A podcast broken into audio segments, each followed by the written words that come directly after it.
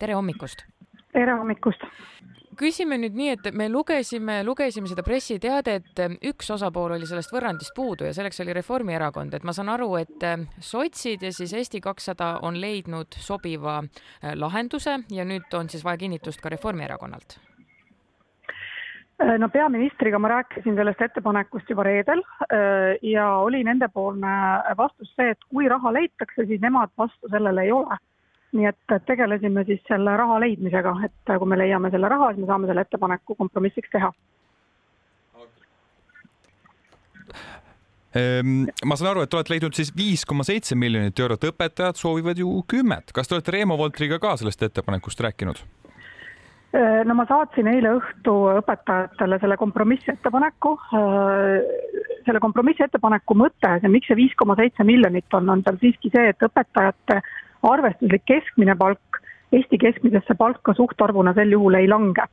et ta on jätkuvalt sada kaksteist protsenti Eesti keskmisest, nii ta, nii ta oli ka eelmine aasta, ehk siis, et me ei lange tagasi äh, võrreldes eelmise aastaga, et me säilitame sellesama palgataseme õpetajatel äh, nagu oli eelmisel aastal suhtena siis kesk, keskmisesse palka. ja, ja ma väga loodan, et õpetajad võtavad selle ettepaneku vastu, et äh, siiski streigi tulemus on see, et õpetajate palk tõuseb ja ei lange Eesti kakssada enne valimisi lubas enda programmis, et äh, võimule saades tõuseb õpetajate, hea õpetaja palk kolme tuhande euroni. E, Reformierakond lubas, et ähm, tõuseb siis õpetaja palk saja kahekümne protsendini Eesti keskmisest palgast. kas selle rahaga on see siis tehtav? Äh, selle rahaga me seal veel ei ole, et äh, me peame sinnapoole liikuma selleks, et nagu hea õpetaja äh, nagu kvalifitseeritud õpetaja head palka saaks, selleks seal on vaja ikka kõvasti veel tööd teha, seal me täna veel ei ole. kust see raha siis täpselt tuleb?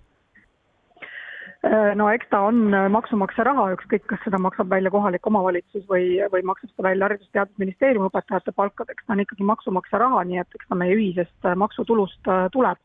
aga, aga täna on, eks ole, riigieelarve seis ja ka kohalike omavalitsuste võimalused siiski antud hetkel majanduslanguse olukorras väga piiratud nii et äh, sellise tempoga, nagu me kõik optimistlikult veel enne valimisi eelmisel aastal lootsime minna, sellise tempoga me ei ole täna suutnud õpetajate palgatõusus äh, edasi liikuda. Täna on Riigikogu, vabandust, riigieelarve strateegia arutelu, kuivõrd tõenäoliseks peate seda, et homme äh, õpetajad enam ei streigi, kuivõrd tõenäoline on, et saate kokkuleppele?